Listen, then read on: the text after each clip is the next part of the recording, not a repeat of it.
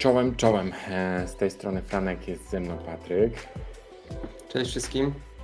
Tak jest. I po tygodniu, gdzie newsów było mało i mówiliśmy tylko o Expo, tym razem o Expo nie ma nic, natomiast będzie trochę o Łukaszu, będzie trochę o startupach, będzie trochę o różnych bibliotekach, bo newsów mamy wiele. Więc nie przedłużając, intro i lecimy z koksem. Devspresso.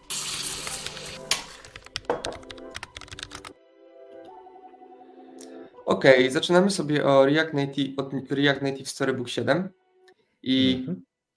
jak kojarzę swoje projekty w React Native, to nie kojarzę w nich Storybooka. Za to kojarzę Storybooka z weba.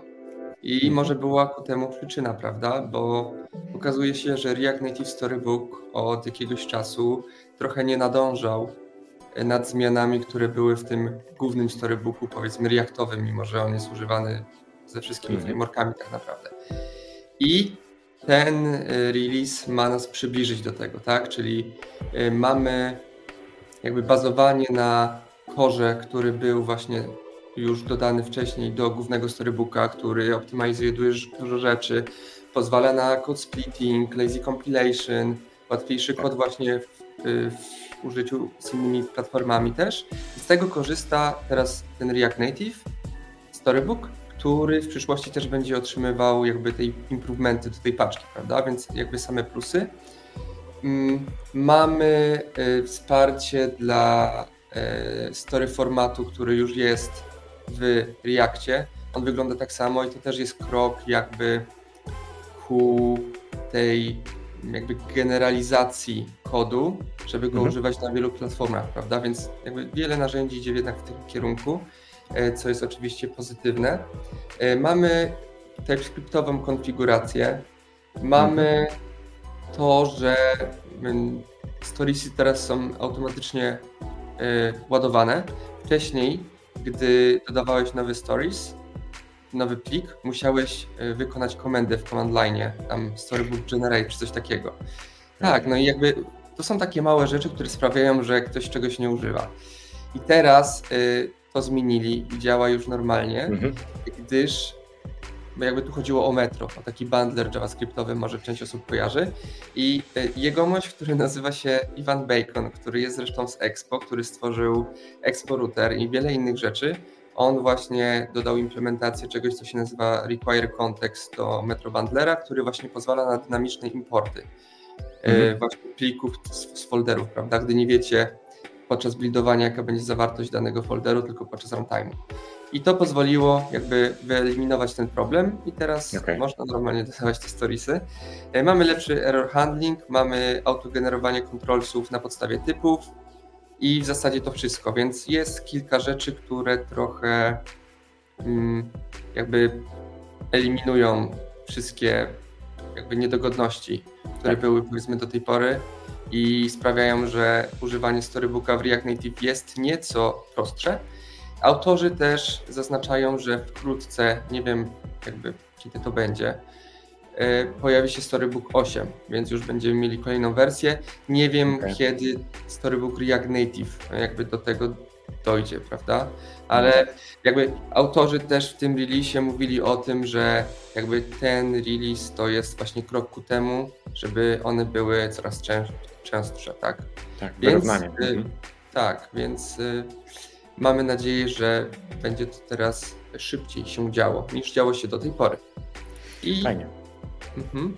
Tak, tak i ja, ja myślę, że tak, ja myślę, że to jest trochę nieodzowne, w sensie jeżeli mamy mieć e, aplikacje uniwersalne na każdą platformę, to potrzebujemy storybooka. W sensie to jest nieocenione narzędzie w projektach webowych, więc trudno jest mi sobie wyobrazić, że będziemy robić komponenty i to nie będzie dobrze grało z native'em, w sensie jeżeli robimy expo i potem mamy te komponenty na mobilki, na, na weba, czy na w ogóle jakieś desktopy. Nie wyobrażam sobie, żeby tego storybooka nie było, więc no najwyższy czas, tak mi się wydaje. Czy z drugiej strony, tak jak mówisz, w naszych projektach React Native nie ma storybooka i dajemy sobie radę bez tego, ale jak sobie o tym myślę, to na pewno byłoby wygodniej e, w wielu aspektach, w wielu momentach go mieć. Także cieszę się, że, że będzie. I co? Rzeczy, które cieszymy się, że są. Właśnie, dobra, z rzeczy, które nie cieszymy się, że są. Flight Control opisało swoje doświadczenia z Next.js Uprouterem. Jak kojarzycie, w wersji 13 Next.js wprowadził ten Uprouter, który miał być krokiem milowym w świecie Reacta. Cóż, było na pewno dużym krokiem i tutaj Flight Control wspomina o tym, co poszło ok, czyli na przykład to, że pozwalało na layouty, które są kawałkami, tak? Czyli możemy ładować stronę, doładowywać w zależności od segmentów URL. One są niezależne od siebie, ładują się po stronie serwera. To działa super, korzysta z Server Components. Można niezależnie je ładować, można też używać e, suspense i ładować rzeczy w tle, a potem UI zostaje podmieniony za pomocą Use Transition. Całe mnóstwo super rzeczy, które sprawia, że ten UX skacze na najwyższy możliwy poziom. Czyli to już nie jest tak, że klikacie, strona się ładuje, loading bar, spinner, bla, bla, tylko to naprawdę jest dopieszczone do maksimum. I e, jak wiecie sobie na stronę Flight Control, Flight Control, może niektórzy nie wiedzą, to jest e, serwis, gdzie konfigurujemy AWS-a. Tak, w sensie do zarządzania AWS-em, kto korzystał z AWS-a z konsoli wie, że nie jest to najprzyjemniejsza rzecz, więc on jest developer first, z dobrym UX, czy też de developer experience DX zależy jak na to spojrzeć. Oni pozwalają na to zarządzanie i teraz oni mają super aplikację zaawansowaną, gdzie chcieli wykorzystać maksimum. No i właśnie dlatego ten Next.js Uprooter. No i tak jak mówiłem, są plusy, czyli layouts use transition, ale są też minusy. I tutaj mówią o swoich problemach, ponieważ przepisanie na App.js e, Next.js Uprooter wystąpiło już ponad rok, znaczy chyba w zeszłym roku to zrobili i teraz komentują jakie mają wnioski. Tak? Więc jeżeli chodzi o minusy, wymaganie e, React Query do client-side rewalidacji pobierania danych. Pomimo tego, że teoretycznie server components powinny być w stanie rewalidować, to jednak potrzebowali React Query. Co oznacza, że mieli mnóstwo zduplikowanego kodu, bo robili coś po stronie serwera, a potem po stronie aplikacji, tak zwana lipa. E, server side pojawiały się errory i one znikały, to znaczy były gdzieś zjadane przez proces, który się dalej toczył, bo na przykład już pobrało się coś po stronie klienta i ciężko było dojść, co się w ogóle wydarzyło. Masakra. E, nie da się, Next.js coś źle robi, jak opuszczasz stronę i Frame Motion, którego używają do animacji, nie jest w stanie animować e, wyjścia ze strony. Nie wiadomo do końca czemu, oni coś źle odmontowują, trudno powiedzieć.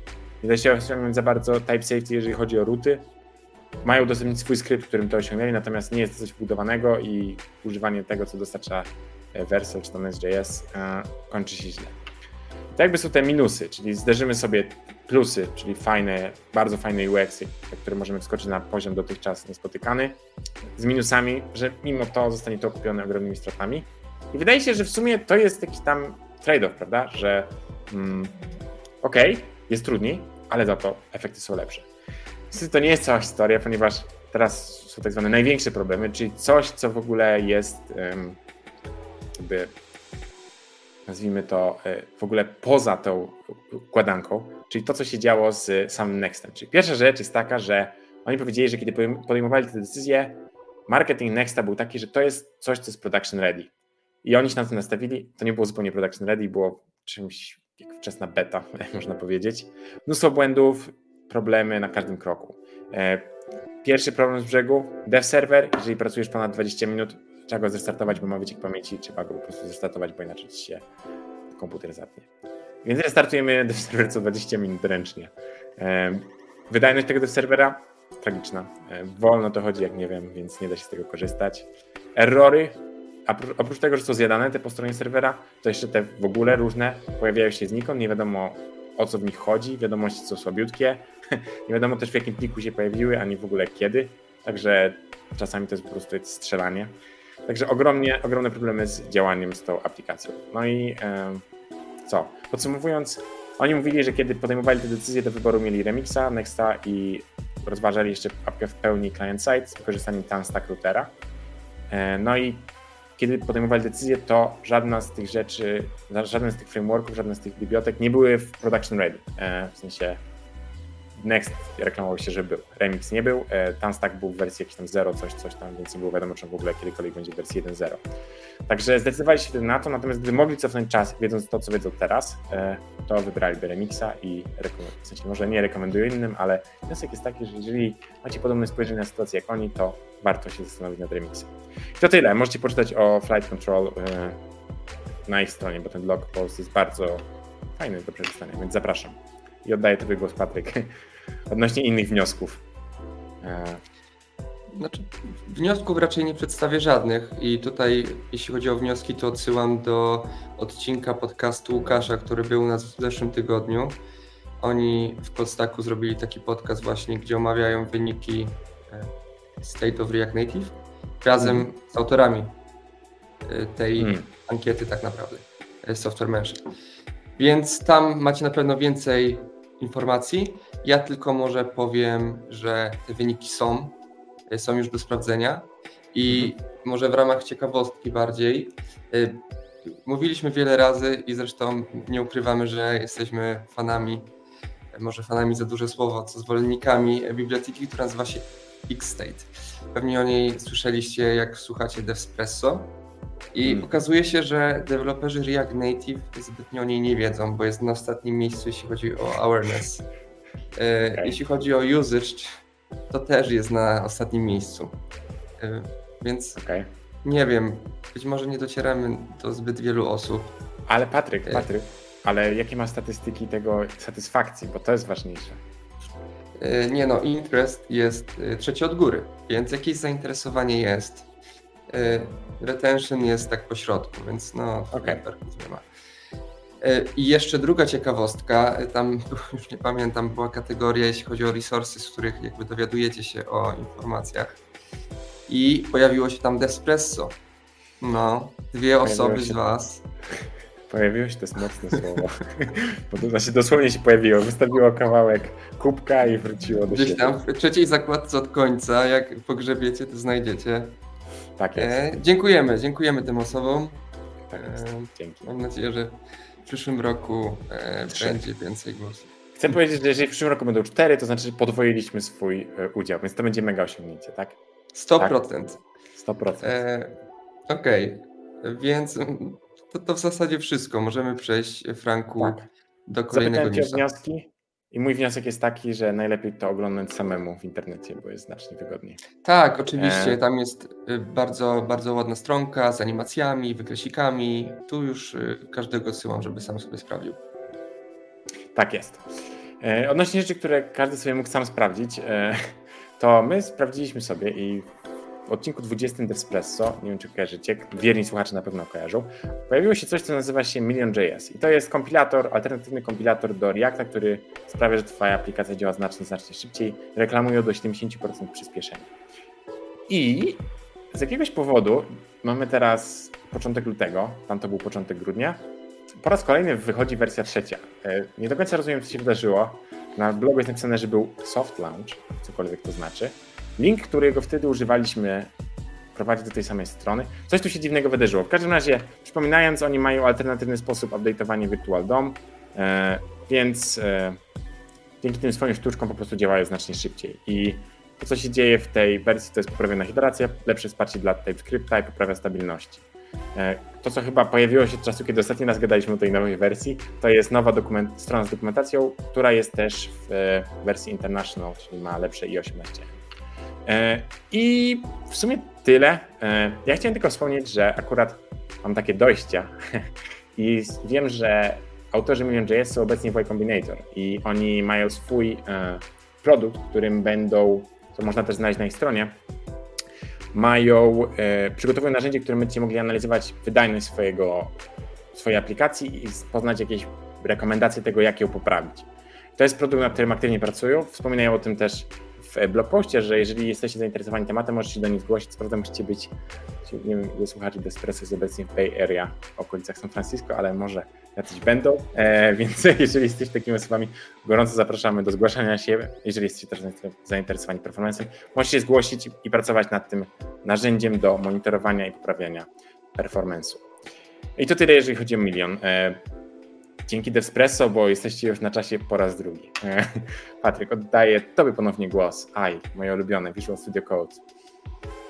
Yy, tak, nowa wersja. I tutaj jak zwykle w Release Notesach mamy milion rzeczy, które się dzieje i właśnie zamierzam Was zanudzić i przeczytać wszystkie. Yy, to był hehe żart i oczywiście skupimy się na Sucho. E, skupimy się na najważniejszych rzeczach, oczywiście, tych, które mogą Was zainteresować jako deweloperów oczywiście. Jeśli oczywiście korzystacie z Visual Studio Code. Jeśli nie używacie, to może po tych newsach zaczniecie, w co wątpię. Więc mamy sticky scroll przy folderach, coś co pojawiło się już jakiś czas temu w command line, gdzie widzicie jaka była ostatnia komenda. Tutaj mamy coś takiego, że jeśli sobie macie bardzo dużo plików i scrollujecie sobie e, jakby tego Explorera, to macie folder przypięty do góry, więc jak ktoś się nie mógł odnaleźć, teraz y, się odnajdzie, prawda? Okay. Y, mamy przybliżenie per okno. Oni dodali też chyba, mówiłem o tym, nie wiem czy w tym samym odcinku, co y, o milion JS 3.0. Tam dodawali po prostu nowe okna, które możecie sobie tworzyć. To nie jest jako nowy tak. tab, tylko jakieś okienko. I teraz możecie sobie przybliżać jakby osobno w okienku, osobno w normalnym hmm sensie w okay. edytorze, prawda? Tam możecie mieć Zooma 3, a tam Zooma 2, a tam 5 i tak dalej. E, mamy konfigurację autosave'a w zależności od języka i to się ustawia w ustawieniach. Więc jeśli chcecie, żeby was, wasz TypeScript się zapisywał od razu, macie taką opcję, a jeśli chcecie, żeby Markdown się nie zapisywał, to też możecie to ustawić. Jakby jest większa konfiguracja z tym autosave'em. E, mamy zamianę miejscami okienek przy porównywaniu dwóch plików.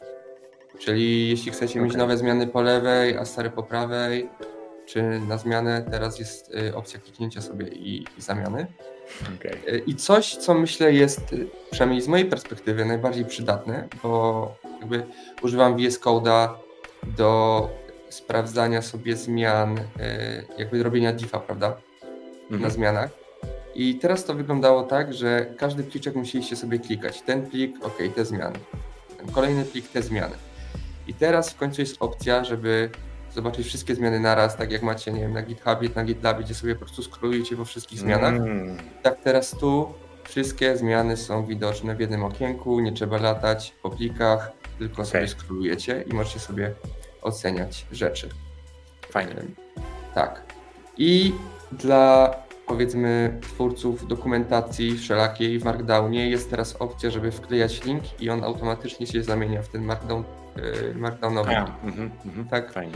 Którego syntaksu nigdy nie pamiętam, nie wiem, gdzie są te y, kwadratowe, ja kiedy okrągłe, ale dzięki temu nie trzeba teraz, bo sobie wklejacie, jeśli jest opcja ustawiona, że ma zrobić markdowna, to automatycznie się zrobi, więc spoko ułatwienie.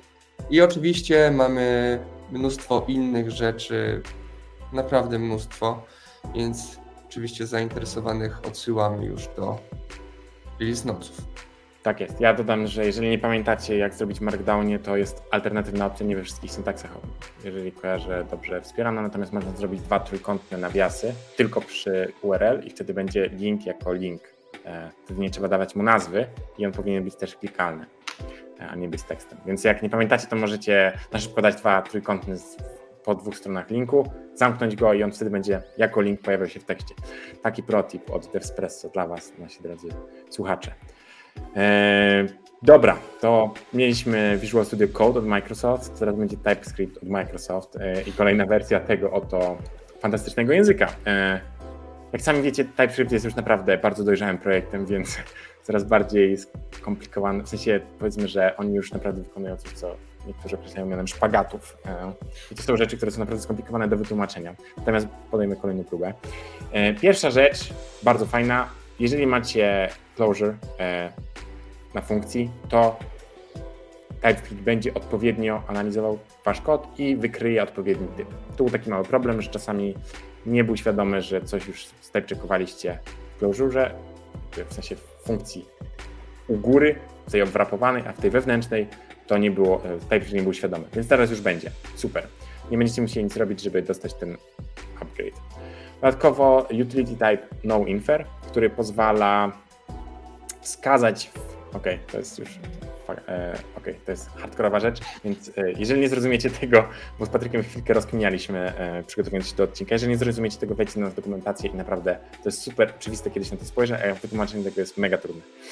Jeżeli macie funkcję, która ma generyczne argumenty, to możecie użyć typu noInfer, który wykluczy dany typ z jakby unii typów która potem pojawi się, kiedy dodacie typy w runtime. Czyli jeżeli dajecie, macie genery, generyczną fun funkcję z generycznymi argumentami T, i tam na przykład dacie red i blue i chcecie, żeby potem był drugi argument, który na przykład jest green, to jeżeli dacie mu no, jeżeli w obecnej wersji TypeScripta dacie te trzy rzeczy i one wszystkie są z tego samego um, typu generycznego, to wtedy te wszystkie trzy typy połączymy w unię, tak, czyli red, blue, green i one będą jako dopuszczalne typy. Czasami to nie jest coś, czego chcemy, więc możemy użyć no infer i wtedy to zadziała. Spoko. E, jak mówiłem, trudno to wytłumaczyć, więc gorąco zapraszam do dokumentacji, gdzie e, na pewno będzie Wam wygodnie. Dobra, ale spróbowałem, żeby nie było. E, oprócz tego wsparcie dla Object Group By i Map Group By, czyli coś, co pojawiło się w JavaScript całkiem niedawno. Omawialiśmy to, wydaje mi się, w jednym z odcinków, no ale to działa tak jak loadaszowe funkcje mniej więcej. Także e, możecie sobie spojrzeć to jest w miarę oczywiste. E, wsparcie dla Require e, w Module Resolution Bundler i Module Preserve. E, powiem tak, chyba wszyscy z nami na czele mają dość już zarządzania dependencji z importami i wszystkim związanym z, z tymi tematami w JavaScriptie, więc nawet nie będę tego omawiał, bo szkoda mi na to czasu. Dalej nie pojmuję, jakim cudem musimy wpisywać rozszerzenie JS do plików w TypeScriptie, żeby on wiedział, z czego importować. To jest jakieś w ogóle ludzie się, w sensie programiści nie JavaScripta naśmiewają się z nas, a my e, myślimy, że to jest normalne i że to jest ok. Więc tak Kojarzycie, że pojawiły się ostatnio import attributes, czyli coś takiego, że można zrobić with type JSON. No to teraz one będą sprawdzane z typem, który nazywa się import attributes. Więc jeżeli coś tam dacie niewłaściwego, to to zostanie sprawdzone. Też fajna sprawa. E, I jeszcze mini rzecz, że jest quick fix e, do e, language server providera, który będzie Wam dodawał missing attributes, jeżeli macie zagnieżdżone funkcje i w ten sposób, jeżeli dodacie te missing attribute, missing, sorry, parameters. Czyli jeżeli dodacie funkcji coś przekazujecie, dacie add missing parameters, to w definicji funkcji on doda te te brakujące parametry. To też łatwiej jest zobaczyć niż e, wytłumaczyć. Oprócz tego trochę deprecations, w sumie z wartościowych rzeczy tyle. Wow, okej. Okay. Tak jak mówiłem, TypeScript jest już super dojrzałym projektem, więc te zmiany są naprawdę już na wysokim poziomie finezji, tak to określę. Dlatego e, no jeżeli coś z tych rzeczy Wam się przyda, no mi się wydaje, że closures, closures i type checking w closure'ach to jest coś, co się przyda każdemu i w sumie nawet wielu osobom nieświadomie. Także to jest coś, czego można się cieszyć. Patryk, coś masz do dodania na temat TypeScripta? Cieszysz się? Na nie, no ten no infer, jakby ja zawsze się, się cieszę, jak są jakieś utility types nowe, no ale hmm. już jakby wszystkie, których bym używał, już istnieją. Więc te, które się pojawiają, to właśnie bardziej dla takich twórców bibliotek, prawda, hmm. którzy, którzy mają mega jakieś zaawansowane use cases i robią jakieś super haki naokoło, żeby coś działało. No i tu jakby TypeScript trochę wychodzi naprzeciw i, i pomaga jednak. Tak. E, natomiast e, pamiętajcie, że jeżeli piszecie kod, to każdy z Was pisze własną bibliotekę. Wszyscy jesteście twórcami bibliotek prędzej czy później. Chyba, że piszecie kod sami, naprawdę sami i nie używacie TypeScript na przykład. No ale ostatecznie zawsze to może się przydać. Więc fajnie miecie też świadomość, że coś takiego istnieje. Patryk, z rzeczy, które istnieją. Wiem, że lubisz o nich rozmawiać. Bardziej o tych, które nie istnieją, ale to hmm. szczegół. Dino 1.4. Hmm. Mm, tu mamy kilka nowych rzeczy i jest to Temporal API, o którym wcześniej nie hmm. słyszałem. I hmm. to jest lepsza alternatywa dla data JS-owego, z którym jest wiele problemów, wiele osób narzeka. I Temporal API wychodzi naprzeciw tym problemom i stara się e, jakby troszkę usprawnić zarządzanie datami w waszym kodzie. Ja, ja od razu powiem, że chodzi o data, nie że tego data, czyli że date, e, nie data, e, bo to może było e, dla ludzi, którzy nas słuchają, nie do końca zrozumiał. Tak, w sensie temporal jest w którymś już tam stage'u ECMAScript i zastąpi docelowo właśnie date. W sensie zastąpi w tym sensie, że będzie używany, będzie możliwe jego użycie, bo raczej data nie usuną tak szybko, sobie przejmować. Tak, oddaję głos, sorry Patryk, przerwałem. Tak, mamy też wsparcie dla stref czasowych. To jest w ogóle. Tam są obiekty, metody, wszystko jest łatwiejsze. Jakby możecie sobie już sprawdzić, y, jeśli chodzi o, o, o API. Ono nie jest jeszcze w przeglądarkach, więc tego nie użyjecie u siebie w projektach. Nie ma, nie ma jeszcze wsparcia, ale jest za to wsparcie już w Dino. Jest też Polyfill, więc w razie czego możecie próbować e, z tym działać. Mamy dwie rzeczy, czyli import meta file name i import meta e, dir name, które są odpowiednikami, odpowiednikami filename i dirname w CommonJS-a. E, to są takie, jak jest podkreśnik, podkreśnik filename, prawda? Pewnie się z tym spotkaliście gdzieś. E, tego nie da się chyba używać, tak mi się wydaje. Znaczy, jeśli to jest CommonJS, no to wiadomo, jest możliwość jest troszeczkę inaczej. Teraz mamy w Dino, powiedzmy, odpowiedniki.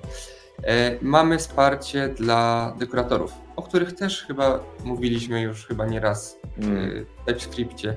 Jeśli chodzi o dekoratory klas, one są teraz w Dino. E, możecie sobie sprawdzić, jak się ich używa. Tam się tworzy funkcje, dodaje się dekorator. Wygląda całkiem w porządku, chociaż ja nie piszę, e, nie używam klas. No. Już no, trochę używam, ale no nieważne.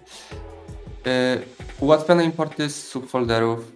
Tam był taki case, że jeśli chcieliście sobie importować na przykład z Preact Hooks, to musieliście dodać kolejną linijkę do dino.json.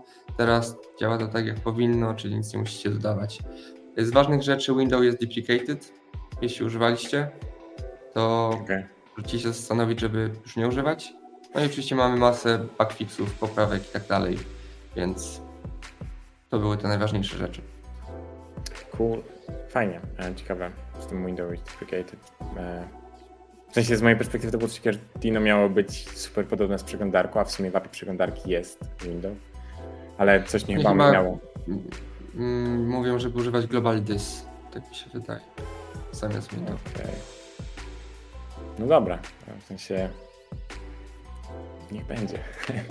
Ja pamiętam, że nie było tak, że dawno, dawno temu w Node nie było Windows, wszyscy mieli z tym problem, przypisywali do Windows Global Dys i tak żyłeś. I to był taki hack, ale wszyscy to robili. I teraz jest 2024 i my robimy coś podobnego. Nie wiem, zostawiam no. z tą myślą. Nie będziemy tego komentować dalej. E, to był ostatni news na dziś. E, Patryk, obiecaliśmy sobie, że będziemy szybsi i zrobimy to 20 minut i 27. Co masz na swoją obronę? Um, oczywiście tylko to, że przez 5 minut mówiłeś o Nexcie, który w sumie nie był newsem i to wyszedł prawda. już bardzo dawno temu. Więc to jest coś, co miałem powiedzieć. Katastrofa. To, był, to była moja kompromitacja tym razem, więc jak będziecie kogoś winić, to winicie mnie. E, jeszcze raz gorąco zapraszamy, myślę, do odcinka e, z Łukaszem. E, znaczy tym z zeszłego tygodnia też, jak chcecie posłuchać o tym, co wydarzyło się w Expo, ale chodziło mi o State of e, React Native 2023. E,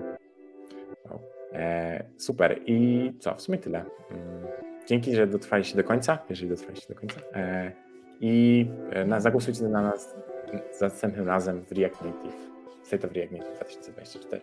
To jest myśl na, to jest postanowienie noworoczne. Dzięki jeszcze raz, zapraszam do subskrypcji, lajków i komentarzy, nawet tych niemiłych. Ostatnio ktoś tam zrobił, w sumie nawet nie niemiły komentarz, ale nawet przeprosił za niego, więc w sumie to nie było tak ostatecznie to mi się wydaje, że to było bardziej miłe niż niemiłe. Więc do takich też zapraszamy. E, a na dzisiaj się żegnamy. E, do usłyszenia. Na razie, hej.